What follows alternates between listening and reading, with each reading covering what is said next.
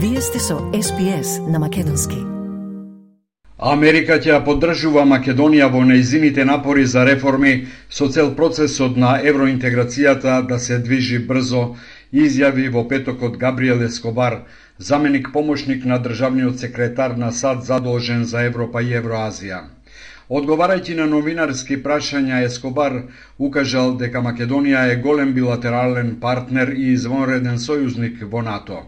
Тој повторно ја истакнал пораката од стратешкиот диалог што го има Америка и Македонија во јуни во Вашингтон.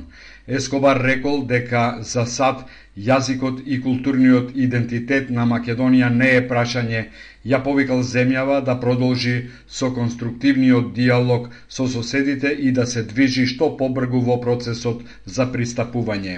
Сепак тој на брифингот говорејќи за историската, културната и економската припадност на македонците, ја употребил придавката Северно Македонци. Анджела Прајса Гелер е новиот амбасадор на САД во Македонија.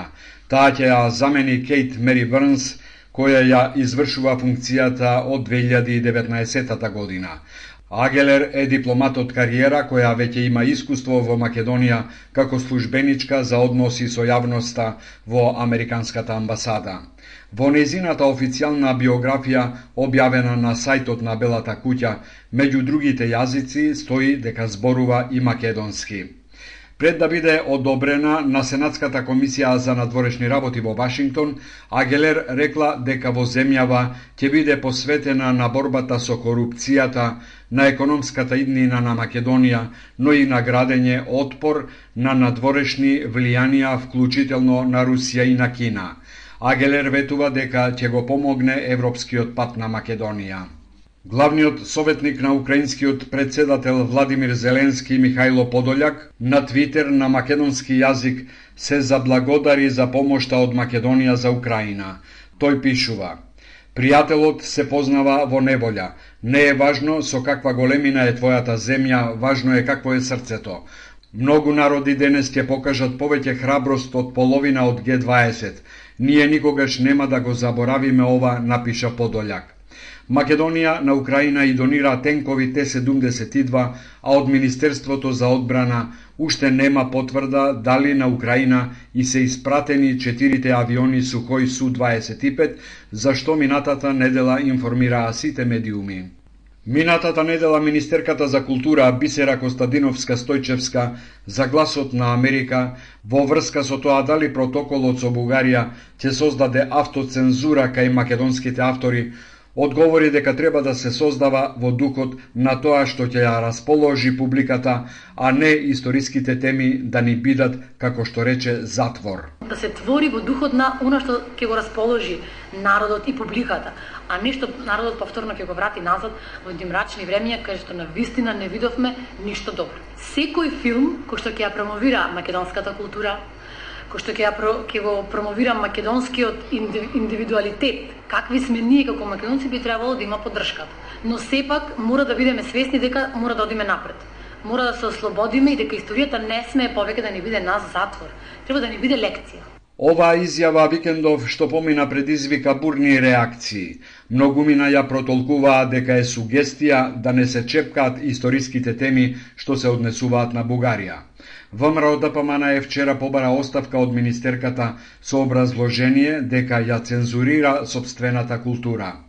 Според портпаролот Димче Арсовски, Стојчевска на граѓаните им препорачала дека треба да се живее како во Орвеловата 1984 Ова е невидена цензура на творештвото согласно протоколот кој што го подпиша владата на Ковачевски. Ваквата изјава на Костадиновска Стојчевска е скандалозна и за тоа мора да понесе одговорност, односно да си поднесе оставка. Комедијантката Стојчевска, која што нели им наложува да пишуваат комедии уметниците во Македонија, треба да се извини на македонскиот народ и веднаш, ама веднаш, дури и денес во недела, да отиде да си ги собере парталите од Министерството и да го напушти. Стојчевска вчера ретерира од првичните изјави. На Фейсбук напиша дека жали ако повредила нечии чувства и дека нејзината интенција секогаш била слобода на изразувањето.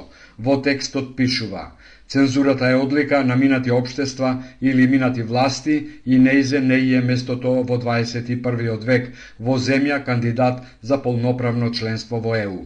Намерата не е да се насочува или ограничува, напротив, мојата интенција секогаш била и ќе биде поддршка на слободната мисла и изразување, објави вчера Министерката за култура Бисера Костадиновска Стојчевска на својот Facebook профил.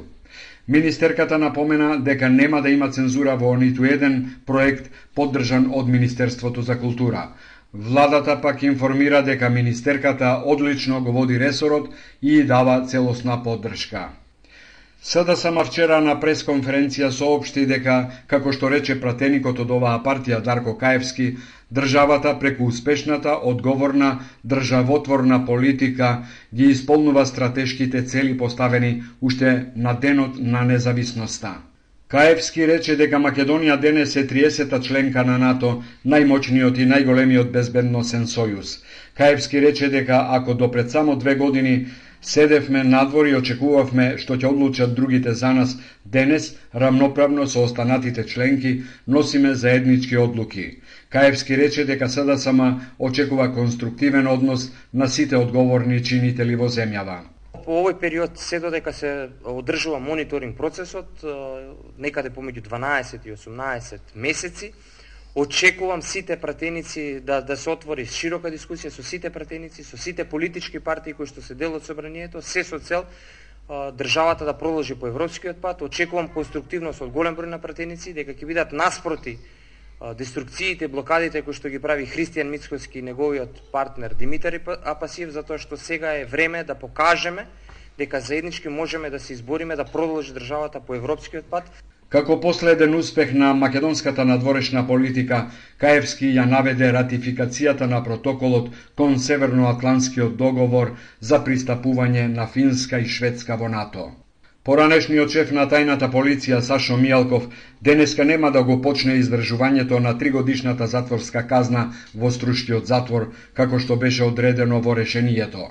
Мијалков побарал одложување на издржувањето за две недели, па така во Струшкиот затвор треба да се јави на 22 овој месец.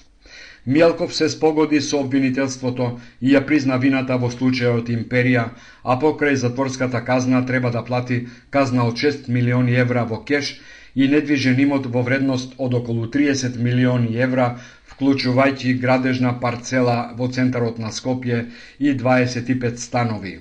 Тој пред неколку дена експресно ја смени адресата на живење од Скопје во Охрид, па на таа основа казната ќе ја издржува во Струшкиот затвор во кој лежат уште тројца обвинети во империја, кои признаа вина и се спогодија, а тоа се Орце Камчев, Ненад Јосифовиќ и Тодор Мирчевски, кои исто така експресно ја сменија адресата на живење од Скопје во Охрид.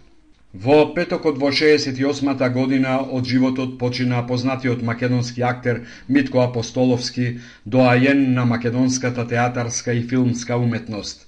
Театарската публика ќе го памети по неговите маестрални улоги Фезлиев во Црнила, Војдан во Тетовирани души се враќаат дома, Креонт во Медеа, Дидро во Развратникот и други. Неговата актерска кариера ја одбележа и бројни филмски улоги во Бог да ги убие душманите, Заборавени, Големата вода, Трето полувреме, До Балчак, Последниот македонец и други. Стиснете, ми се допаѓа, споделете, коментирајте. Следете ја SPS на Македонски на Facebook.